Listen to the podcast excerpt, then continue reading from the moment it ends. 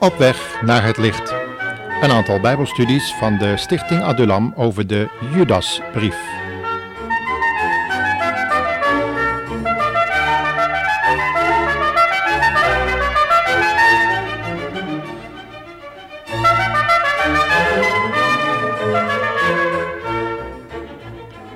In onze Bijbelstudie over de Judasbrief zijn we aangekomen bij vers 16.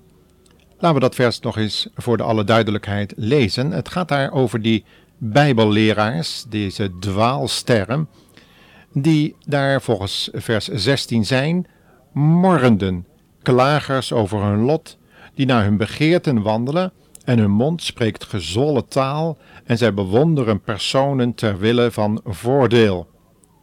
Voor de goede orde hadden we die vorige uitzending ook erbij gelezen, vers 16 maar nu willen we dat nog eens nader specificeren. Er worden dus hier nog enkele dingen gezegd over die dwaaleraars. Eerst gaat het over hun ontevredenheid in het algemeen, en dan meer over hun ontevredenheid met hun lot. Ze twisten met hun lot, ze mopperen, zoals dat volk in, van Israël in de woestijn, volgens nummer 11 en wat Paulus aanhaalt in 1 Korinthe 10 met het oog op de toestand in de christelijke gemeente in Korinthe. Verder zijn ze ontevreden met hun lot, het geen verband zal houden met de gedachte dat God verplicht zou zijn vroomheid en geestelijkheid in dit leven te belonen. Zij zijn dus eigenlijk christelijk, of ze noemen zich christen, hebben bepaalde daden gesteld in hun leven, maar met op de achtergrond de gedachte: ik doe dit dus God zal mij wel hiervoor belonen. Een gedachte die ook terugkomt in 1 Korinthe 4, vers 9 en die in hoofdstuk 11, vers 31 ook bestreden moest worden. Zij meenden een beter lot te verdienen, want zij waren immers de elite van de gemeente vanwege hun bijzondere openbaringen. Ongetwijfeld zal Johannes, die Johannes die op Patmos heeft gezeten, ook deze personen in gedachten gehad hebben toen hij aan Diotrefus schreef, die onder hen zocht de eerste te zijn en die met boze woorden snaterde tegen de dienst van de apostel Johannes en zijn medegenoten. Het spreken van de dwaalleraars was brutaal, hoogdravend, opgeblazen, overmoedig, gezwollen, onbeschaamd zelfs. Zij gingen ook met de dingen van ja, de onzienlijke wereld, we zouden kunnen zeggen de demonenwereld, de krachten en machten in de lucht, heel onvoorzichtig om. Ze bestraften ze zomaar even, zo nodig midden op straat, we kunnen dat ook tegenwoordig wel zien, alsof zij alle macht hebben in hemel en op aarde en zomaar even in de naam van Jezus demonen zouden kunnen bestraffen, zomaar in het openbaar, zonder heiliging van hun eigen leven. Zij etaleerden de verworven geestelijke inzichten ten overstaan van de andere gemeenteleden.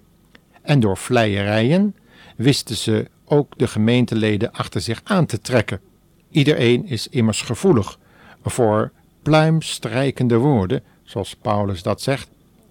Ze keken hun naar de ogen en praten hun naar de mond, hielden rekening met de positie van de gelovigen en hun macht in het gewone aardse leven.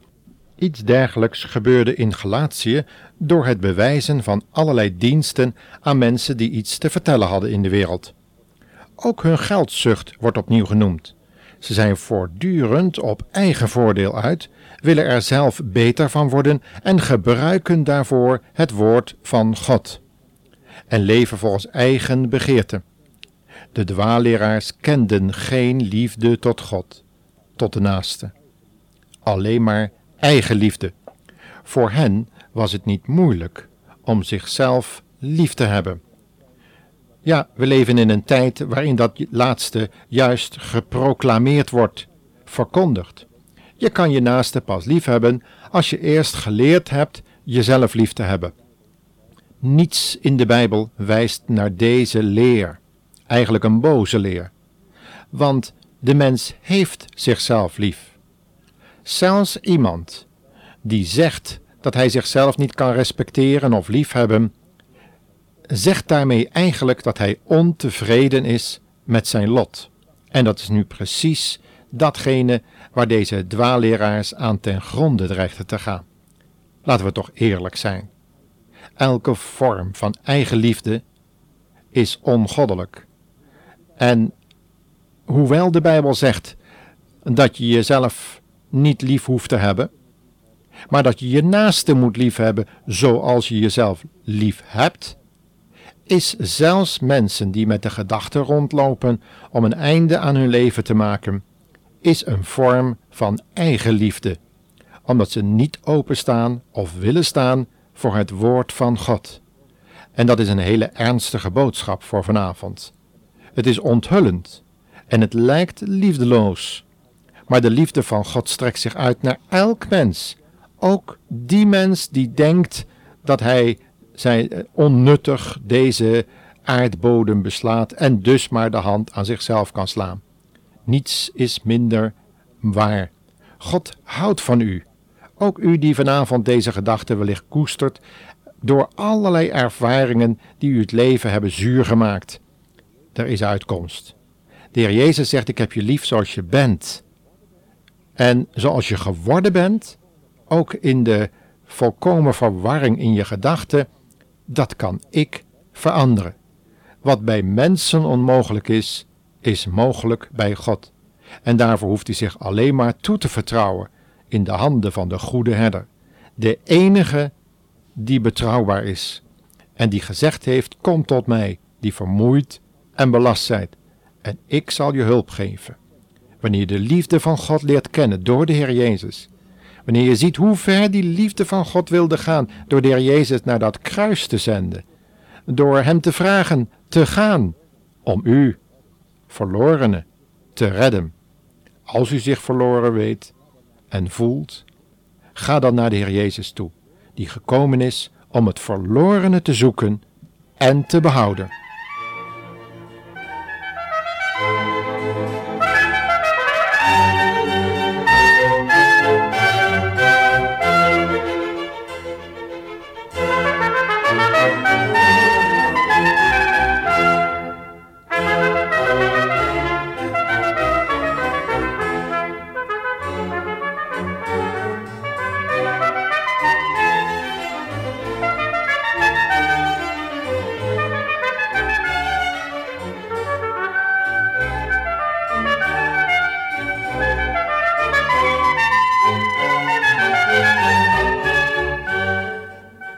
Griekse woord voor murmureerders, wat hier gebruikt wordt, komt in het Nieuwe Testament alleen in de Judasbrief voor.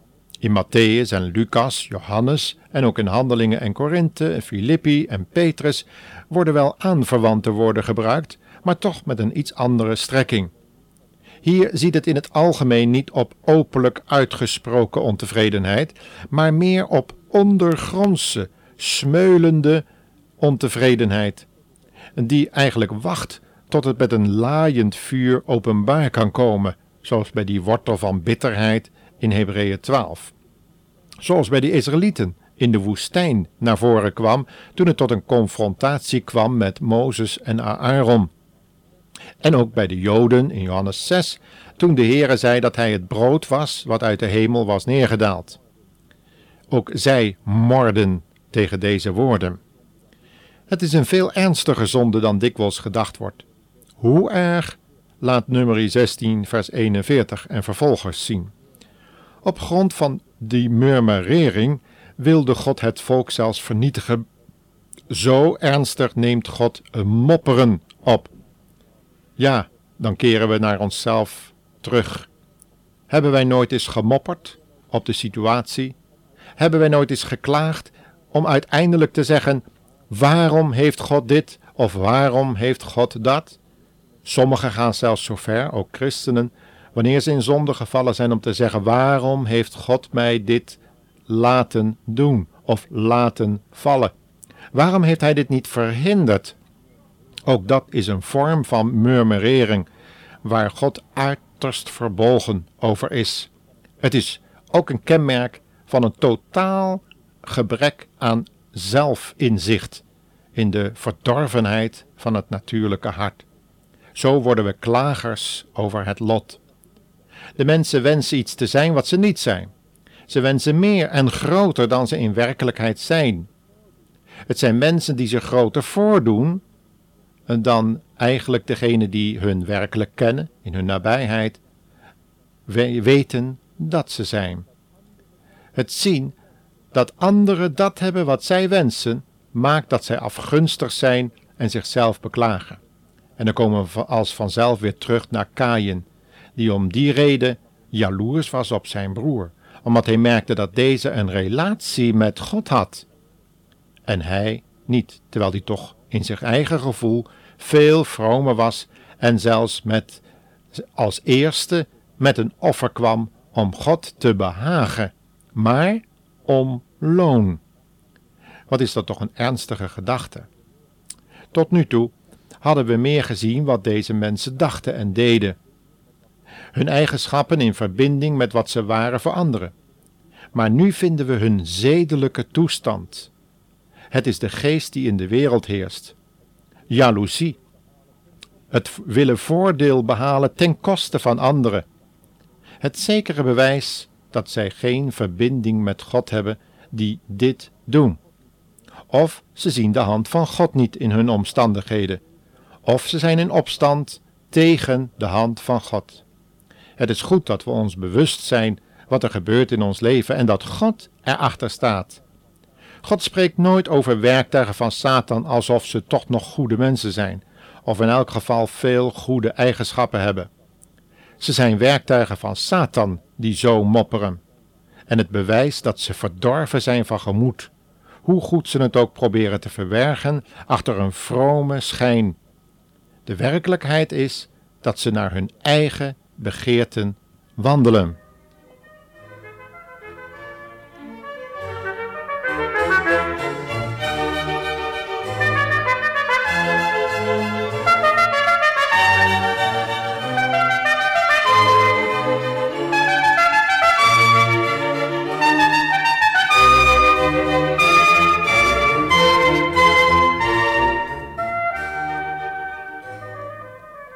Eigenlijk laat het de wortel van alles zien. Paulus die zegt: Ik wist niet dat begeren zonde was, als de wet niet zei: Gij zult niet begeren. Daarvoor is soms een hele cultuur doordrongen van begeerten. Weet u, natuurlijk hebben wij allemaal begeerten. Maar Paulus, diezelfde Paulus, die zegt: Ik wist niet dat begeren zonde was, als de wet niet zei: Gij zult niet begeren, geeft plaats aan dat begeerte door te zeggen: Laat al uw begeerten met bidden en smeken bekend worden bij God. En de vrede van God, die alle verstand te boven gaat, zal uw harten en uw zinnen bewaren. En dan heeft hij daarbij gevoegd: Laat die begeerte met dankzegging bekend worden bij God. Niet danken dat u in uw begeerten voorzien wordt, dat ze worden ingelost, al uw wensen, maar dat God het zo doet dat het tot Zijn eer is en tot heil van uw ziel. En daarvoor mag u van tevoren bij het brengen van uw begeerten bij God voor Zijn troon nu reeds danken. Doe dat dan ook, ook al lijkt het dat God u niet hoort zoals u zou willen. Het gaat erom dat u in uw gebed, dat wij als christenen in ons gebed Christus beleiden als de Heer. En dat Hij het voor het zeggen heeft, ook als het loopt zoals wij het niet zouden willen. Want God zal hun niet geven wat hun begeerte wenst, wanneer zij naar het vlees wandelen. Hij zal de lusten niet bevorderen. Integendeel, zal Hij in Zijn barmhartigheid de begeerte van het natuurlijke hart dwarsbomen. Als Hij het niet doet, dan is het des te erger, want dan is het omdat ze de gevolgen van hun boosheid zullen ondergaan. Dat zien we in Romeinen 1, wanneer mensen zichzelf tot God verklaren, of hun ik tot Godheid verheffen, of iets wat geschapen is tussen God en hun inzetten. Ook dat is begeerte, de begeerte van het ik, de ik-God op de troon. Het gevolg is dat God hun naar hun begeerten laat wandelen en de gevolgen laat ondergaan. Dat doet God niet rechtstreeks. Het is in zekere zin passief. God laat hun ondergaan wat de gevolgen zijn van de zonde. We moeten bij begeerte of lusten niet alleen aan grove dingen denken. 1 Johannes 2, vers 16 spreekt niet alleen over de begeerte van het vlees, maar ook over de begeerte van de ogen en de grootsheid van het leven, de macht en de manipulatie van hen die leidersfuncties hebben. Dat laatste is vooral de verfijndere dingen in ons leven. Bijvoorbeeld ambitie, het pogen een hogere plaats te krijgen dan God gegeven heeft. En dat was nu juist de zonde van Satan. Ook hoogmoed en ijdelheid behoren daartoe, wat tot uitdrukking komt in de woorden: hun mond spreekt opgeblazen woorden en zij bewonderen personen om het voordeel. Wanneer wij een hogere positie krijgen, is dat, als het goed is, vanwege niet onze ambities in de eerste plaats, maar onze kwaliteiten en gaven en ons, ons, onze eerlijkheid, als het goed is, als christen. Dat wij betrouwbaar zijn, onomkoopbaar. En dat dat wordt opgemerkt. Wat is dat dan belangrijk? Om zo te leven als christen, ook nu.